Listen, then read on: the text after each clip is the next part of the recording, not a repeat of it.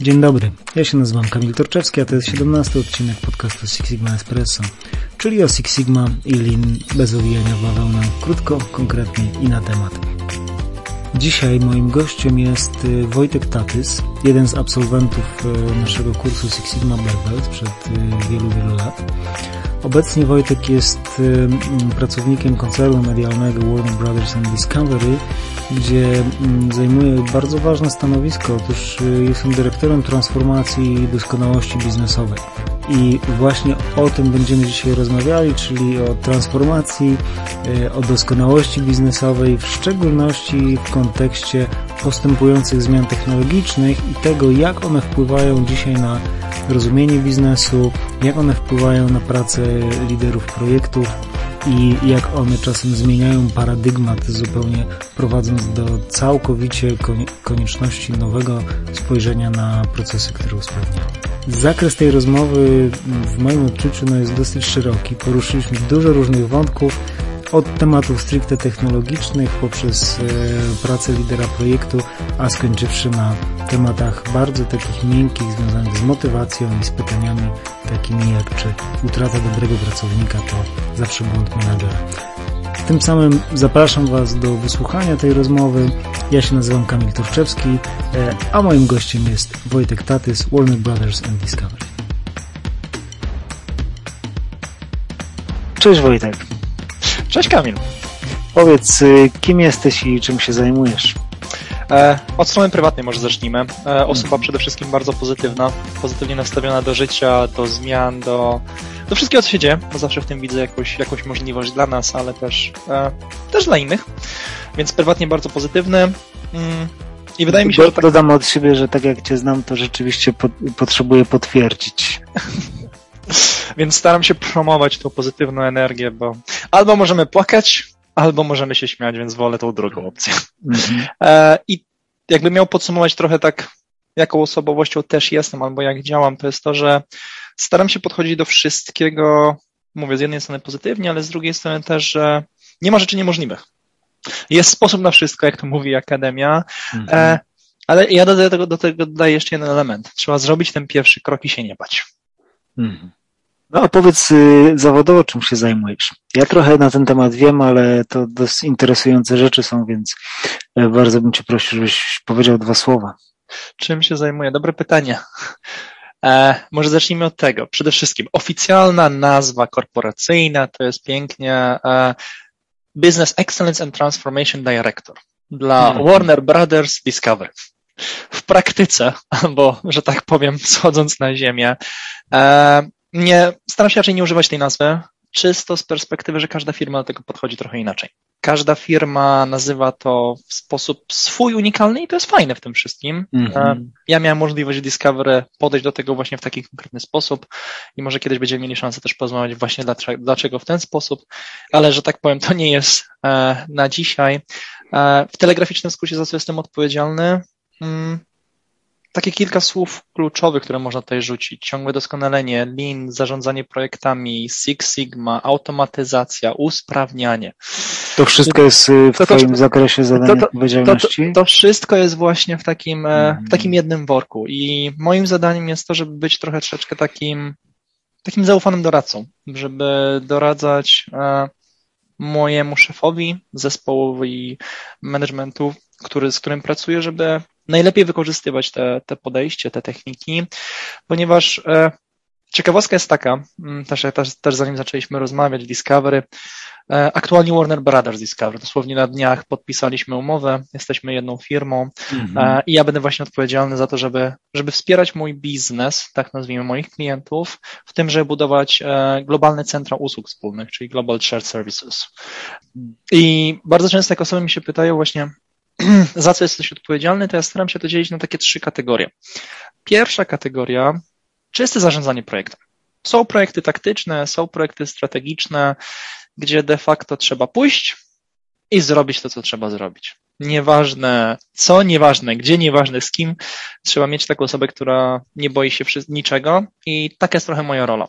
Czyli w momencie, kiedy są takie projekty strategiczne, taktyczne, e, ja się pojawiam i wspieram. Albo to prowadzę bezpośrednio, albo nadzoruję. Mhm. Drugą taką działką, jest zarządzanie programem, portfelem. W zależności od tego, jak na to popatrzymy. Ponieważ mamy indywidualne projekty dla poszczególnych biznesów e, i cały, cały program koncentrujący się na pewnych aspektach, ale też jednocześnie patrzymy na to szerzej, mamy też, też portfel. E, I ja, tak jak wspomniałem, jestem odpowiedzialny za portfel dla właśnie tej organizacji wcześniej finansowej, teraz tak bardziej szerzej, czyli globalnej organizacji Centrum Usług mm -hmm. Wspólnych. I to jest taka druga działka, czyli żeby upewnić się, że te projekty, które realizujemy, te inicjatywy, nad którymi pracujemy, to są te, nad którymi powinniśmy. Ponieważ okay. dzisiejszy trend jest taki, i też pewnie będziemy o tym rozmawiać, że tego jest coraz więcej. I okay. trzeba troszeczkę takiego, takiej osoby, która będzie mówić, słuchajcie, to jest ok, ale to, nad tym nie powinniśmy pracować. I to jest taka druga działka. I trzecia działka, która przez ostatnie lata coraz bardziej się przebija w taką codzienność, e, to jest rola troszeczkę takiego trusted advisora, takiego zaufanego doradcy, że cokolwiek się dzieje, gdziekolwiek jesteśmy, trzeba wykonać jakieś zadanie. Proste, trudne, nieważne czy to są finanse, marketing, e, kadry, po prostu mamy temat do zrealizowania. Potrzebujemy takiej osoby, która z jednej strony ma wiedzę procesową, merytoryczną odnośnie tego, co robimy. Jeżeli nie ma tej wiedzy, to jest w stanie bardzo szybko ją, ją że tak powiem, zdobyć w różny sposób, ale też e, wprowadzić zmiany, pracować z osobami na różnych pozycjach e, liderskich, zaczynając powiedzmy od specjalistów, przechodząc przez dyrektorów, po, po szefów powiedzmy biznesów.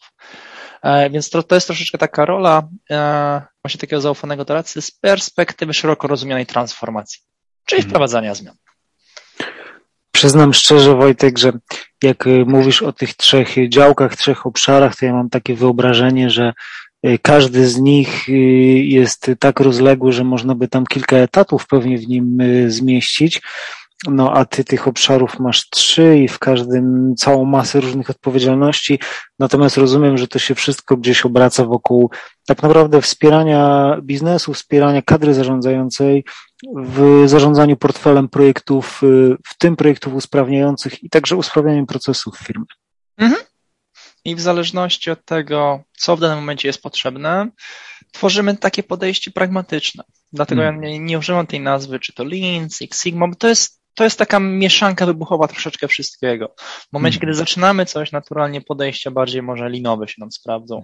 W momencie, kiedy mamy naprawdę konkretne problemy, mamy te dane, korzystamy bardziej z podejścia Six Sigmowego. Ale żeby nazywać, że robimy tylko jedno, no nie da się. W dzisiejszym świecie się po prostu nie da. Trzeba mieć tą świadomość, że takie opcje są. Tak jak mówisz, no, tych opcji jest bardzo dużo więc ja cały czas jestem, że tak powiem, chłodny tej wiedzy, e, ale to też jest taki, to też jest taki troszeczkę aspekt e, ciekawy, ponieważ nigdy nie wiesz, co nowego wyjdzie, a ja jestem tą osobą, która zawsze jest ciekawa, żeby znaleźć to i przynieść to do biznesu. Powiedzieć, słuchajcie, mamy takie, takie rozwiązanie, skorzystajmy z tego i to tutaj fajnie może zadziałać. Mhm. Wojtek, pracujesz, jak powiedziałeś, w bardzo ciekawej branży, bo do niedawna było to Discovery, teraz to jest Discovery i Warner Bros. E, więc no, branża taka medialna, filmowa i sam przyznam szczerze, nie wiem, co tam jeszcze w, w działania tej grupy kapitałowej wchodzi. Powiedz tak z, z, z perspektywy usprawniania procesów, to czy jest coś takiego rzeczywiście wyjątkowego w tej branży? Specyficznego. Ta specyfika często jest podkreślana, niektórzy mówią, że jest przeceniana przez firmy. Jak to wygląda z Twojej, z twojej perspektywy? Staram się raczej używać słowa unikalni mhm. niż specyficzni.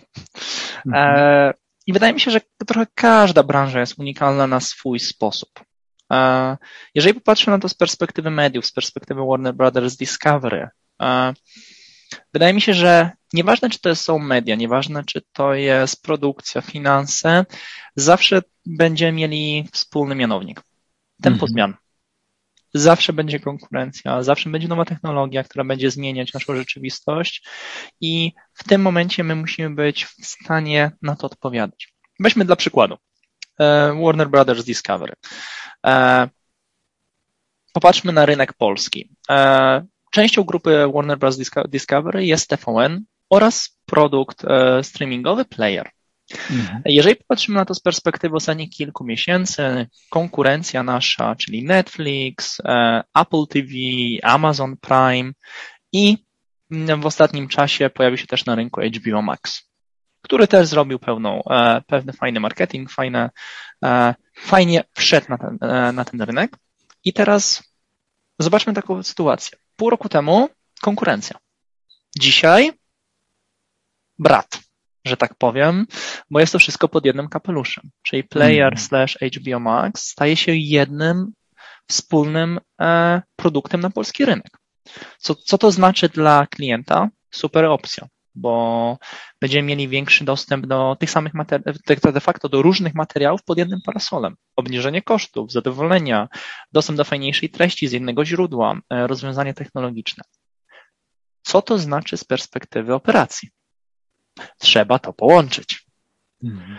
E, jeżeli byś zapytał kogoś z mojej organizacji z poprzedniej, z Discover rok temu, czy to jest możliwe, potencjalnie tak, ale to jest bardzo duży orzech do zgryzienia. Dzisiaj my de facto nad tym już pracujemy. E, więc my nie wiemy, co będzie za rok. Kwestia planowania za pięć lat czy budowania strategii nie jest realna, w szczególności w takim środowisku, które się zmienia bardzo, bardzo dynamicznie. E, my przechodzimy z planowania właśnie kilkuletniego na kilkumiesięczne. W momencie, kiedy się pojawiła informacja, że będzie potencjalnie taka, taka integracja, planowanie skończyło się na bazie tygodni, mm.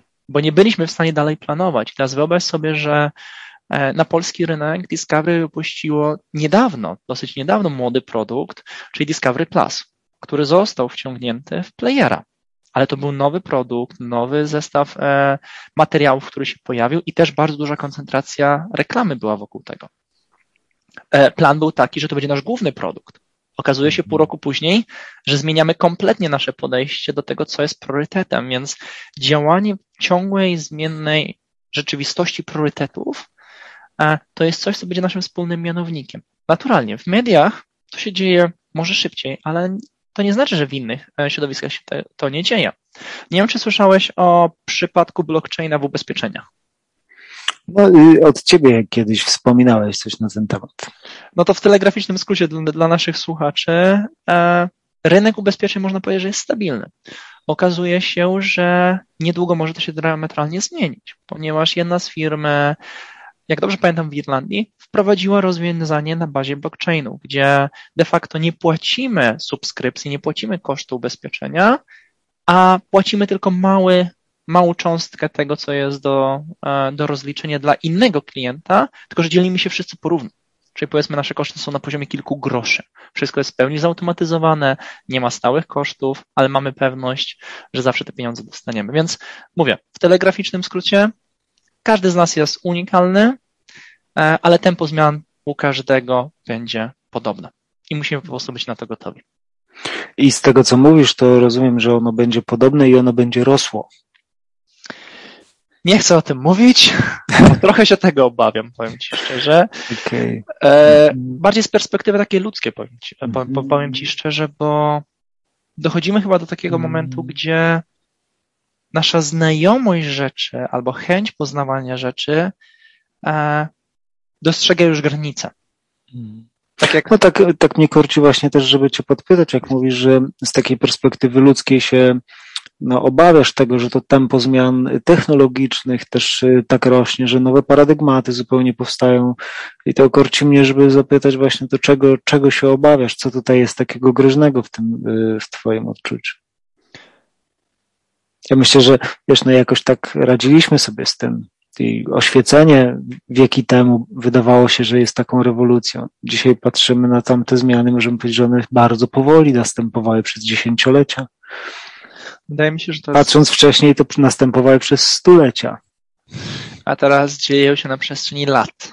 Mhm, albo Może, tygodni. Albo tygodni czasami. E, mhm. powiem Ci tak, z mojej perspektywy zawsze najważniejszym aspektem w biznesie, nazwijmy aspektem, e, jest aspekt ludzki. Mhm. I to za tym idzie. Technologia będzie się zmieniała, będzie, będziemy mieli nowe rozwiązania, nowe, nowe systemy, narzędzia ale koniec końców e, człowiek będzie cały czas dalej, uważam, najistotniejszym elementem tej układanki.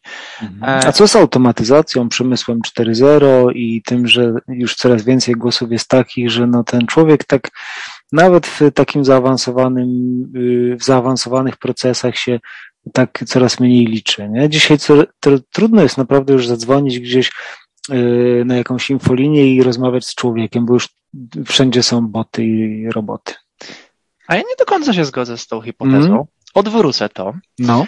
E, ponieważ jeżeli popatrzymy na to z perspektywy specjalisty, popatrzmy z perspektywy specjalisty, który najprostszy przykład usługowy, e, wczoraj księgował fakturę, czyli miał wiedzę ekonomiczną, księgował fakturę i bardzo często taka rola polegała na tym, że musiał przeczytać jeden dokument, zaksięgować go w systemie i później powiedzmy jeszcze coś rozliczyć. I na tym jego rola się kończyła. W tym momencie mamy rozwiązanie, które jest w stanie samo technicznie przeczytać fakturę, zaksięgować i co się dzieje z tą osobą. Naturalnie jedna strona medalu mówi, ta osoba traci pracę. Ale z drugiej strony ta osoba dostaje możliwość, żeby przekwalifikować się na, na rolę, która będzie dodawała więcej wartości dla klienta, ale dla tej osoby może być bardziej rozwojowa. Czyli wyobraźmy sobie, już nie będziesz księgowym czy osobą, która księguje fakturę. Tylko social ale... media managerem na przykład. Na przykład, albo e, w jakim kierunku tu mhm. idzie osoba, która jest e, zaufanym doradcą dla klienta. Mhm. Czyli powiedzmy, jeżeli wtedy masz problem z fakturą, to wtedy kontaktujesz się z tą osobą, ale możesz powiedzieć, jest robot na czacie. Mm-hmm, Może też tak być. Mm-hmm. Ale wtedy do tego też trzeba dojść. I wtedy, w momencie, kiedy to się pojawi, ta osoba już nie będzie doradcą klienta, ale będzie zarządzać robotem, mm-hmm. żeby upewnić się, że jakość usług jest na wysokim poziomie. Więc mhm. jest to dużą możliwością, ale to, co trzeba podkreślić, że od nas, od ludzi, od pracowników będzie wymagało podejścia naucz się, zapomnij, naucz się ponownie.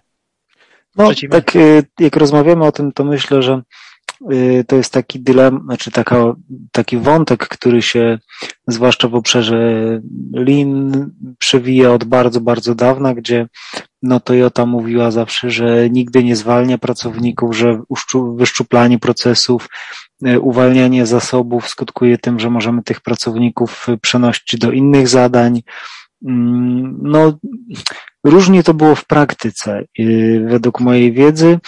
I Ciebie chciałem zapytać, jakie są Twoje doświadczenia, również z obszaru takiego właśnie shared service usługowego, gdzie rzeczywiście automatyzacja procesów, y, przenoszenie wielu kompetencji do systemów różnych informatycznych, czy do zrobotyzowanych rozwiązań jakiś, no jest na porządku dziennym. Czy to rzeczywiście jest tak, że my tych ludzi zachowujemy i te kompetencje przenosimy gdzieś w inne miejsca, czy, czy też może po prostu robimy wynik i tniemy koszty? Powiem Ci tak. E, Odpowiem Ci w trzech punktach. Hmm. Punkt pierwszy. Najprostszy i najczęstszy, który się dzieje z tego powodu, że jest najprostszy, to jest dostarczałem projekt oszczędnościowy, ktoś wyliczył, że tyle zaoszczędzimy i niestety te osoby tracą pracę. To jest taki najprostszy przypadek. Na szczęście nie zdarza się, e, jak popatrzymy tak z praktycznego punktu widzenia, bezpośrednio, że są cięte te koszty, tak to nazwijmy, ponieważ e, pojawiają się inne możliwości dla tej osoby w organizacji. Ale to jest taki przypadek, że tak powiem, z tych wszystkich najczęstszy, bo po prostu osoba dostała informację od konsultanta, tyle możesz zaoszczędzić i działamy. Już abstrahując od tego, czy te wyliczenia były poprawne, czy weryfikujemy te, te, te wyliczenia i tak dalej. To jest taki przypadek, który się dzieje często, bo jest najprostszy, ale to zależy od, od dojrzałości organizacji. Drugi punkt to jest w momencie, kiedy właśnie organizacja jest świadoma, że takie cięcia są potrzebne, musimy zaoszczędzić w jednym biznesie, ale jednocześnie jest na tyle świadoma, że kapitał ludzki jest istotny, więc stara się tą osobę gdzieś, e, gdzieś przerzucić do innego zespołu. I to też się dzieje, ale ta dojrzałość, no mówię, zależy od organizacji. Jeżeli ta organizacja mm. już jest na rynku trochę, to wiedzą, że to ma sens. I trzeci aspekt, e, z czym jeszcze spotykam się dosyć rzadko, a staram się to komunikować zawsze, kiedy mam taką możliwość, to jest patrzenie szerokie na generowane oszczędności. I tutaj dam, podam Ci przykład. E, mamy dwa zespoły. Mamy zespół A i zespół B. Zespół A dostarcza, strzelam, 10 etatów oszczędności. Po mm. prostu zaoszczędzili 10 stanowisk pracy i menadżer podejmuje decyzję, ok, super, nie potrzebuję tego, oszczędzam koszt, dostarczam może jakiś cel biznesowy i tak dalej, super. I jeżeli zamkniemy się w tym silosie zespołu A, może ma to nawet sens. Ale jeżeli jest taka osoba, powiedzmy, e, w mojej roli, która patrzy szeroko, w momencie, kiedy mówimy o oszczędności, mówi, słuchaj, poczekaj Krzysiek, e, z zespołu A, menadżer zespołu A. Mówię, Krzysiek, poczekaj, bo jest Marcin z zespołu B, który ma troszeczkę inną sytuację. Problemem Marcina, czyli zespół B, jest taki, że rotacja pracowników jest bardzo wysoka. Czyli powiedzmy rocznie w zespole Marcina, żeby łatwo tutaj wyliczyć, odchodzi mu średnio 10 osób. Mm. I teraz, jeżeli popatrzymy na to sumarycznie, a dodajmy do tego jeszcze element, że e, pamiętajmy, że zatrudnienie nowego pracownika to są ogromne koszty. E, średnio można wyliczyć, są różne, są różne kalkulacje. Ja spotkam się z dwoma takimi głównymi.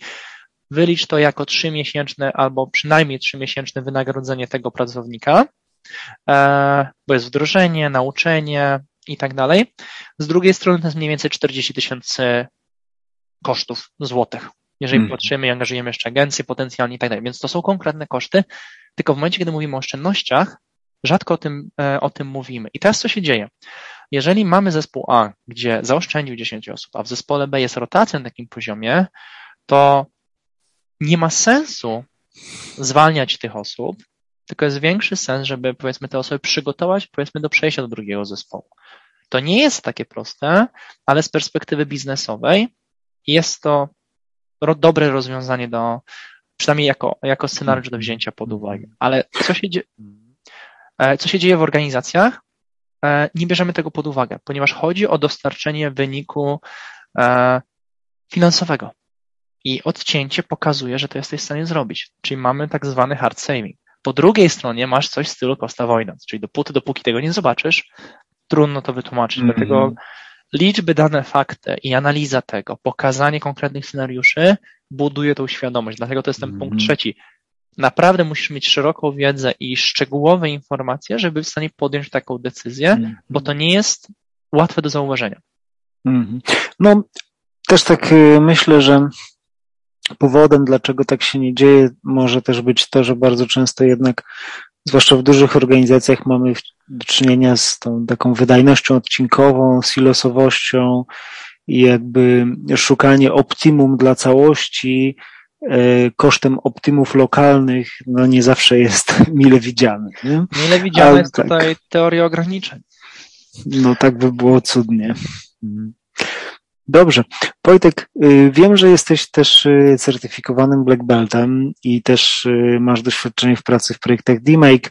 Mm, powiedz, jak te kompetencje, czy jak ewentualnie te kompetencje przydają Ci się w takim, no, ja bym użył słowa bardzo różnorodnym i dynamicznym środowisku, w jakim działasz i też w takim zakresie zadań obowiązków, w jakim działasz który cały czas przyznam, trudno mi jakoś jest uchwycić, tak szerokie mi się nie wydaje. Nie, nie, tylko tobie. Mhm. Powiem tak, e, szkolenie black beltowe dostarczyło mi bardzo dużo fajnych narzędzi. Podchodząc czysto, czysto praktycznie. Narzędzi, mhm. które może z perspektywy DMake'a jako całości rzadko jesteśmy w stanie zastosować ze specyfiki problemów, nad którymi pracujemy, ale... Mówisz teraz o waszym biznesie. Mówię ogólnie o doświadczeniu, mm -hmm. okay. bo tych projektów demake'owych typowo jest naprawdę mało. Tak jak wiemy, no to jest 2-3% mhm. ogólnych, więc żeby konkretnie go zastosować, w momencie jak jest, to jest idealne, ale moim praktycznym, e, z mojego praktycznego doświadczenia częściej stosuję punktowo te narzędzia niż jako całość, po prostu nie mam takiej mhm. potrzeby. Ale to jest też znowu, zależy od biznesu, w jakim działamy, jaki mamy przypadek. Mhm. E, więc tak, na pewno coś, co mi bardzo pomogło, e, to jest całe myślenie analityczne i podejście do rozwiązania problemu. Czyli i tak w praktyce robię demake'a, tylko pewne kroki robię szybciej, robię troszeczkę w inny sposób, nie nazywam tego demake'iem. Bo i hmm. tak muszę zdefiniować, i to jest moja ulubiona faza, co chcemy zrobić, bo bardzo często już na tym etapie mamy problem, hmm. dlaczego czym się zajmujemy. A może tutaj zrobię małą dygresję. E, mówiąc o fazie define, bo dla, dla, powiem Ci szczerze, że z perspektywy mojego doświadczenia ta faza define jest najlepszym przykładem e, braków, w pewnym sensie nazwijmy, świadomości pewnych liderów. E, I znowu, to nie jest ich wina, po prostu kwestia mm. doświadczenia, praktyki i tak dalej. E, w jednej z moich poprzednich organizacji mm, moja rola zawsze była podobna. Na zasadzie ten zawsze, e, ta, ta rola troszeczkę takiego zaufanego doradcy, czyli jestem tutaj, żeby Wam pomóc. Ale bardziej na zasadzie, że chcę się z Wami podzielić moim doświadczeniem, żebyście nie musieli popełniać błędów, które ja popełniłem albo ktoś popełnił.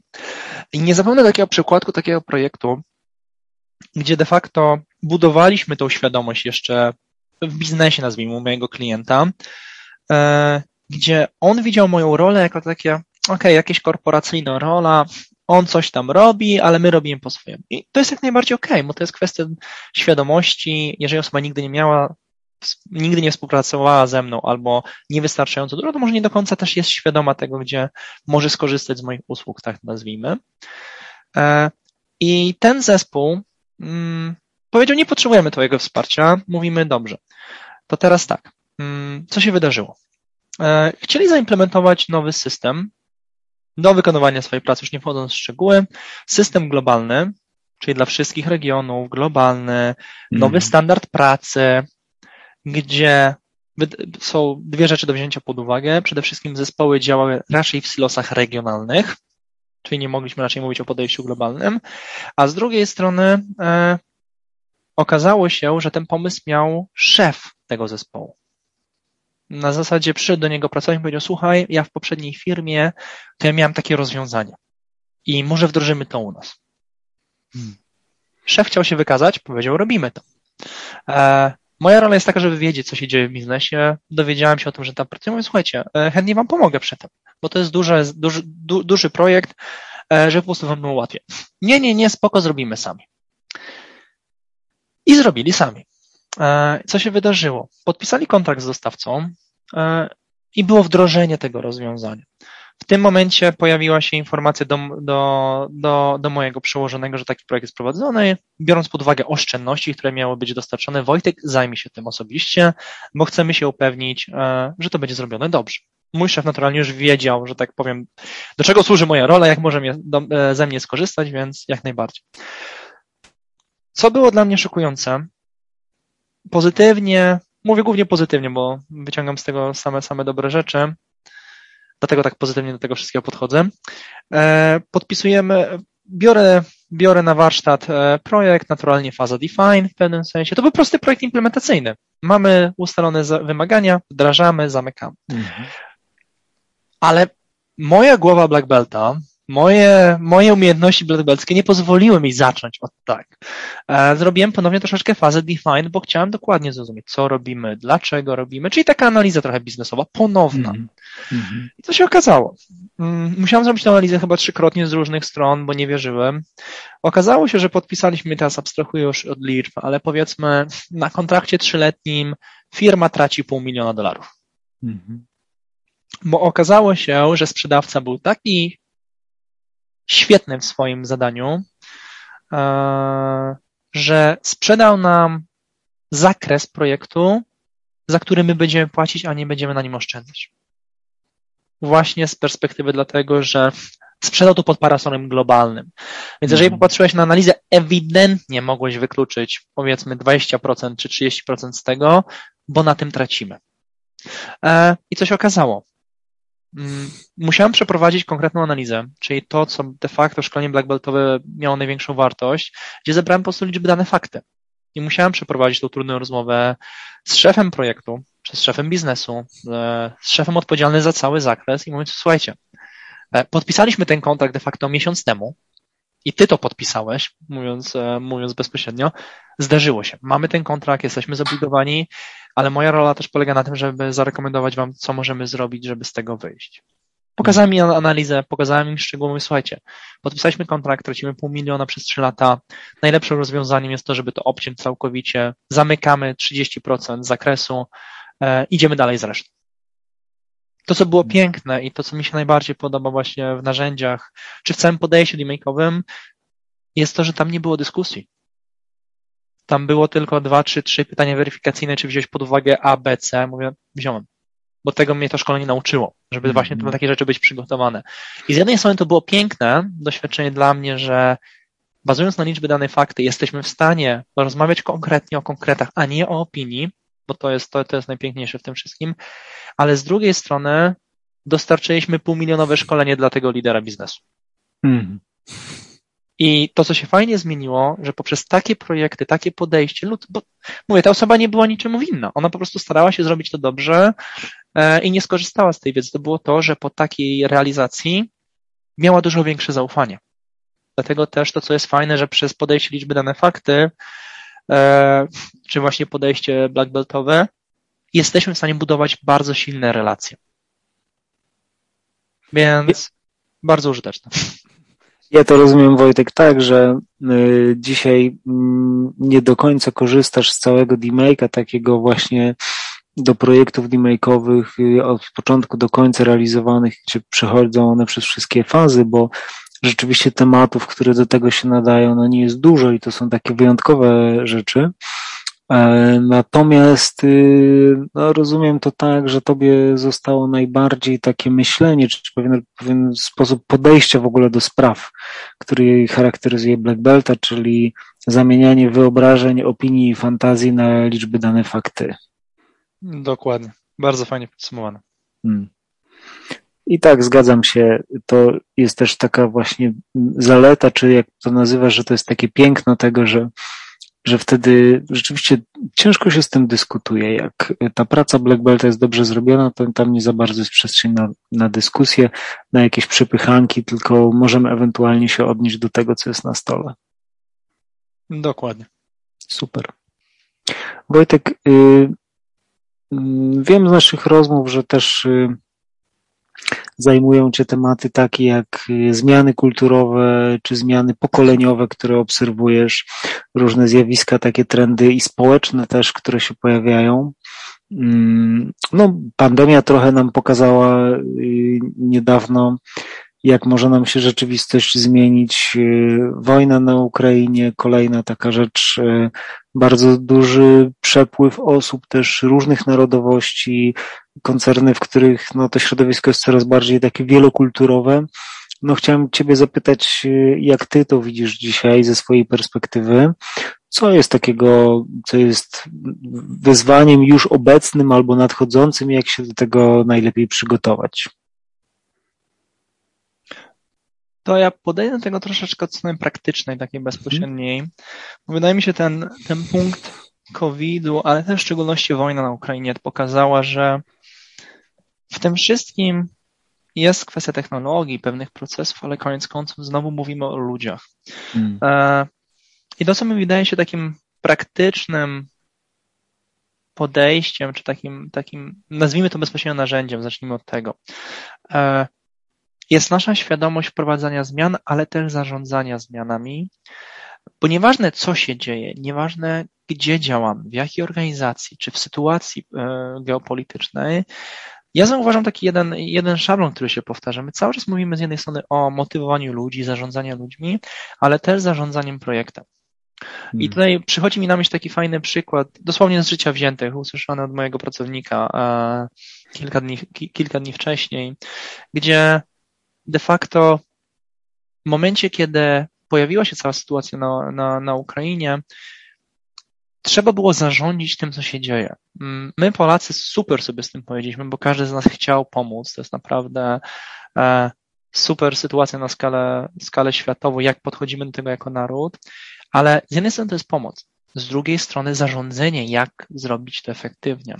E, I tutaj fajny przykład usłyszałem właśnie kilka dni temu odnośnie tego, gdzie jeden z pracowników, jeden specjalista, który miał pewne doświadczenie projektowe w firmie, chociaż się tego uczył, stał się z jednej strony naturalnym liderem zmian, ale z drugiej strony kierownikiem, e, kierownikiem projektu dostarczania tych wszystkich dóbr, usług czy, czy, czy darów, które mieliśmy e, na przykład w centrum Warszawy, bo nikt się tego nie podjął. Osoba, która można powiedzieć, że nie jest project managerem z ogromnym doświadczeniem i tak dalej, ale doświadczyła tego, dostała podstawę, i korzystając z tych postaw była w stanie zarządzić powiedzmy e, całą dystrybucją produktów e, na skalę ogólnopolską w pewnym sensie. I to jest dla mnie takim e, takim ogromnym motywatorem tego, co my robimy na co dzień, to czego my uczymy ludzi, jeżeli chodzi o takie umiejętności praktyczne. Ja, jak, jak dobrze wiesz, ja jestem głównie praktykiem raczej od teorii ważne, ważne, żeby ją wiedzieć, ale raczej jestem, koncentruję się na praktyce. Taki aspekt praktyczny dla mnie jest taki tutaj e, super, że te umiejętności, które my uczymy, są właśnie mile widziane, więc Wracając do pytania, wydaje mi się, że takie zarządzanie zmianą projektem, nie powinniśmy na to patrzeć tylko z perspektywy biznesowej, ale też prywatnej, bo to są umiejętności, których my się uczymy teraz, ale możemy je zastosować też w życiu prywatnym. Z drugiej strony e, praca nad ludźmi. Pandemia pokazała to idealnie. E, pokazała nam umiejętności liderskie prawdziwych liderów, a nie szefów, czy nie menedżerów. Ponieważ w momencie, kiedy masz cały swój zespół zdalnie, mm, jeżeli e, zespoły tak pracowały, nie chodzi mi nawet o motywację, ale pracowanie z tymi ludźmi w takim środowisku jest strasznie trudne. E, wtedy nie ma już możliwości, co czasami się jeszcze stosuje, patrzenie na, że tak powiem, w Twój ekran i zobaczenie, co, na czym Ty pracujesz, tylko pracujemy na wartościach, pracujemy na zaufaniu, pracujemy na otwartości. Hmm. E, I wtedy ja, ja miałem wiele, wiele sytuacji, gdzie rozmawiałem właśnie z, z moimi e, znajomymi, innymi współpracownikami, jak oni sobie z tym radzą, i było widać bardzo dużą różnicę ponieważ w momencie, kiedy mieliśmy możliwość porozmawiać z pracownikiem osobiście, wydawało się wszystko łatwe, bo każdy wiedział, co ma robić. Okazało się, że wszystko się dzieje samoistnie. W momencie, kiedy weszliśmy w COVID, okazało się, że trzeba zacząć zarządzać ludźmi. I wiele osób miało z tym problem. E, I mówię tutaj o osobach nawet na średnim czy nawet wysokim szczeblu zarządzania. Spotkali się z takim wyzwaniem, dlatego E, drugim takim aspektem dyskoncentrowania się to jest nieważne, czy to jest zdalnie, osobiście, w biurze, e, poza biurem, w terenie, żeby koncentrować się na tym znowu, no powtórzę się, na tym aspekcie ludzkim, ale też na takim elemencie zarządzania. Jeżeli jesteś przełożonym, szefem, praca sama się nie zrobi tylko dlatego, bo ktoś powiedział, że tak musi się zrobić. To jest praca nad ludźmi, nad ich motywacją, zaangażowaniem, rozwojem. Bo wspomniałeś wcześniej o rotacji pracowników najczęstszym przypadkiem, dlaczego ludzie odchodzą, to odchodzą od szefa, nie od firmy. Mhm. E, naturalnie w dużych światach, w dużych korporacjach są pewne rzeczy, na które mamy wpływ, są rzeczy, na które nie mamy wpływu, ale mogę Ci powiedzieć osobiście, że widziałem wiele przykładów, e, gdzie osoby zostały bardzo długo przez przełożonego, którego miałem. E, dlatego. Jaki to był przełożony, to, to co trzeba robić, co to znaczy, bo to są takie, wiesz, no. Yy wszystko prawda, zarządzanie, motywacja, e, mobilizacja, no ale jak to dzisiaj zrobić? Co to dzisiaj oznacza dla Ciebie? Spróbujmy coś praktycznego. Powiem tak. Mm, wartości, na których ja działam, mm. które mi się e, mm. zawsze sprawdzały, to przede wszystkim jest transparentność odnośnie tego, co się mm. dzieje. I transparentność mówię w, szeroki, w, szeroko, w szeroko pojętym perspektywie. Z jednej strony, co się dzieje w organizacji, co się dzieje u nas, ale też co mhm. się dzieje u mnie jako osoby w roli. Czyli ja nie boję się powiedzieć, słuchajcie, mam problem z tym, z, z tą osobą, albo mamy wyzwanie, ponieważ nie jesteśmy w stanie to, tego osiągnąć. Ja tego nie ukrywam mówię szczerze, że powiedzmy, słuchajcie, mamy ten projekt, jest trudny, mnie też to dużo kosztuje, staram się to jakoś rozwiązać, staram się doszkolić, bo na przykład czegoś nie wiem. E, bardzo mało liderów mówi o tym, że czegoś nie wie. Uważa, że powinni być guru wszystkiego. Nie da się w dzisiejszym czasie. Dlatego e, tym drugim elementem dla mnie też jest skoncentrowanie na zespół. Czyli jeżeli mówimy o transparentności, też mówimy o pracy zespołowej, ale o pracy zespołowej. Czyli mówimy otwarcie, co się u każdego dzieje, czyli schodzimy na taki kolejny poziom e, i budujemy tą świadomość ludzi, że to środowisko jest bezpieczne. E, w momencie, kiedy pracownik ci odchodzi, rzuca ci papierem, to znaczy, że twojej mówię kompletnie szczerze, według mnie, moje osobiste zdanie, to znaczy, że swojej pracy nie zrobiłeś dobrze, bo ty powinieneś o tym wiedzieć dużo wcześniej. Hmm. A, bo jeżeli twój pracownik przychodzi do ciebie i mówi, Wojtek, słuchaj, e, nie jestem zadowolony z mojego wynagrodzenia, mam inne oferty na rynku pracy, co możemy zrobić w tym przypadku? To, że już przychodzi otwarcie jest ogromnym znakiem. Część menedżerów mówi, że to jest źle, bo dlaczego powinniśmy sobie pozwalać na takie, takie rozmowy z pracownikiem? Hmm. Ja osobiście uważam, że działamy na zasadzie partnerstwa.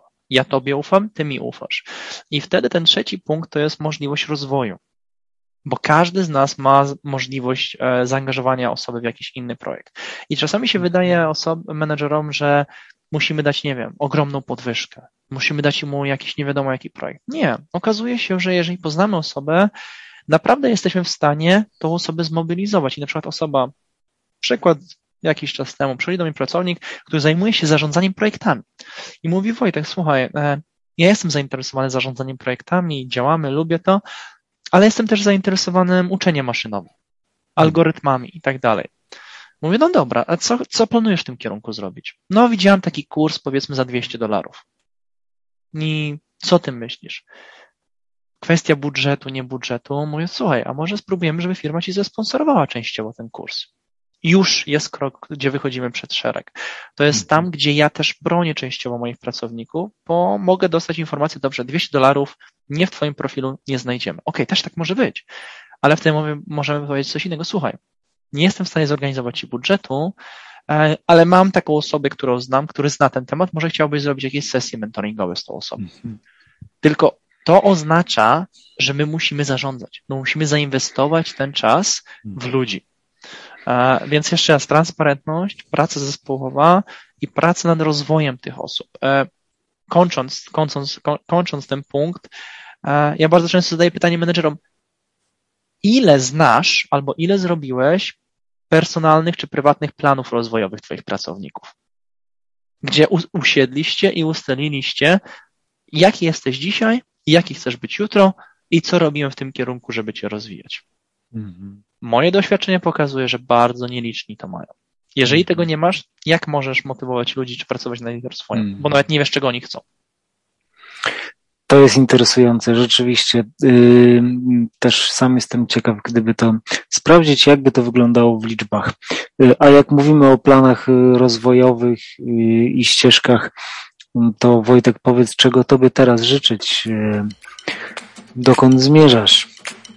Wyzwanie polega na tym, że to pudełko tych rzeczy, które tam jest wrzucane, się zwiększa cały czas.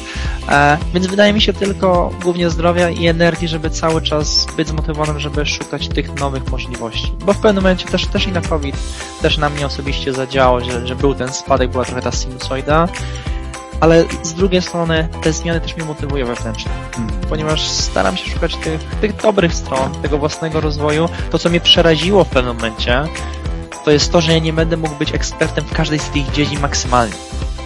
I to jest taka, taka trochę strefa e, komfortu, z której wychodzę. Ale to wydaje mi się, że to jest też jedna z umiejętności liderów przyszłości. Zaufaj ludziom, bo nie jesteś w stanie posiąść wszystkiego. Więc zaufaj ludziom, że oni to wiedzą i nawet jeżeli się wydarzy, że popełnimy jakiś błąd, to popełnijmy go szybko, wyciągnijmy z niego wnioski i działajmy dalej. Wojtek, zatem życzę Ci, jak powiedziałeś, zdrowia i energii, a także idąc za tym, o czym rozmawialiśmy, e, dobrego szefa, który będzie uważny na Ciebie i który będzie jakoś też źródłem tej mobilizacji Twojej i jakiegoś kierunku. Dzięki. Wojtek, dziękuję za tą, dziękuję za tą rozmowę. Nawzajem, Kamil. Cała przyjemność po mojej stronie. Powiedzmy, że połowa. I do szybkiego usłyszenia.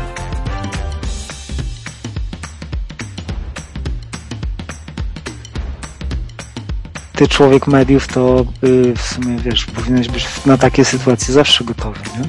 Zawsze w gotowości. Musimy być. Nieważne czy w mediach, bardziej też w projektach. Nigdy nie wiadomo, co się może wydarzyć.